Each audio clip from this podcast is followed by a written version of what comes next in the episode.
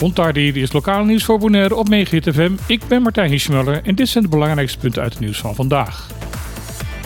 Afgelopen week is een hond door een politieagent doodgeschoten. Het dier viel samen met een andere hond een agent aan die in gezelschap was van een andere persoon.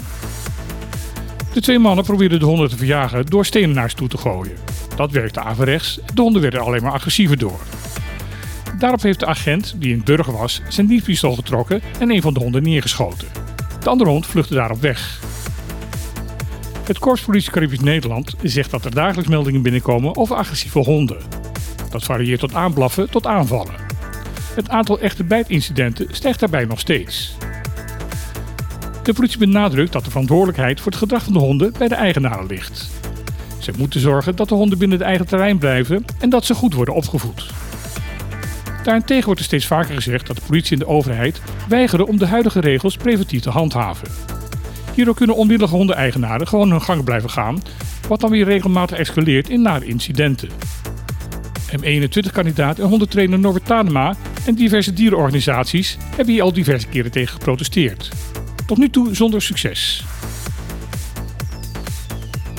Aanstaande maanden zal er gestart worden met aanleg van het Sunset Beach Park. Dit recreatiepark komt te liggen op de smalle strook Choco Beach Resort, ter hoogte van de rotonde bij Hato. Bonaire Overheidsgebouwen NV heeft daar eind januari een overeenkomst voor gesloten met het architectenbureau Heren 2. In het openbaar toegankelijk park komen barbecueplaatsen, palapa's, speelplekken en horecagelegenheden. Deze week is het terrein al afgesloten voor het publiek, dit in verband met de veiligheidsvoorschriften. Hoofdaannemer voor het hele project is de Bonaireaanse Wegenbouwmaatschappij. Daarnaast worden er ook nog diverse andere lokale ondernemers bij betrokken. Naar verwachting zullen de werkzaamheden een jaar in beslag gaan nemen. Door een beroep op de wet Open Overheid, de Nederlandse opvolger van de wet Openbaar Bestuur, heeft milieuorganisatie Greenpeace een aantal documenten in handen weten te krijgen. Deze hebben betrekking op de manier waarop de Nederlandse overheid Bonaire probeert te beschermen tegen de huidige klimaatveranderingen. Veel nieuws was daarbij niet te ontdekken, omdat merendeel van de teksten afgelakt bleken te zijn. Toch was er een document bij dat interessante informatie bevatte.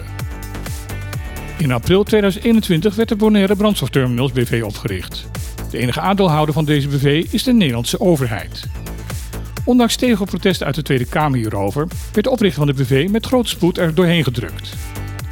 Doel van de BV was het realiseren van nieuwe brandstofterminals ter vervanging van de huidige tanks die niet meer aan alle eisen en voorwaarden voldoen. Na een uitzending van het Nederlandse tv-programma Zembla kwam hier plotseling een doelstelling bij. Het duurzaam maken van de energievoorziening van Bonaire. Om dit nieuwe doel te kunnen verwezenlijken kreeg de BV een subsidie toegekend van tientallen miljoenen euro's. Uit de nu opgevraagde documenten blijkt dat het bestuurscollege van Bonaire daar niet blij mee was. Er werd geprotesteerd door het college dat een kant-en-klaar verduurzamingsplan van het web al twee jaar werd genegeerd. Deze protesten hebben niet veel uitgehaald. Het ministerie van Economische Zaken bleef bij zijn voornemen om de BPT de voortrekkersrol te geven. Tot op heden is daarna echter weinig meer vernomen van activiteiten van de Bonaire Brandstofterminals BV. Vandaag, eind van de middag, zal het Centraal Stembureau de officiële kandidatenlijsten bekendmaken van de partijen die 15 maart aan de eilandsraadsverkiezingen gaan meedoen. Afgelopen dagen hebben de verschillende partijen de kans gekregen om eventuele fouten en vergissingen op te lijsten en de bijbehorende documenten te herstellen.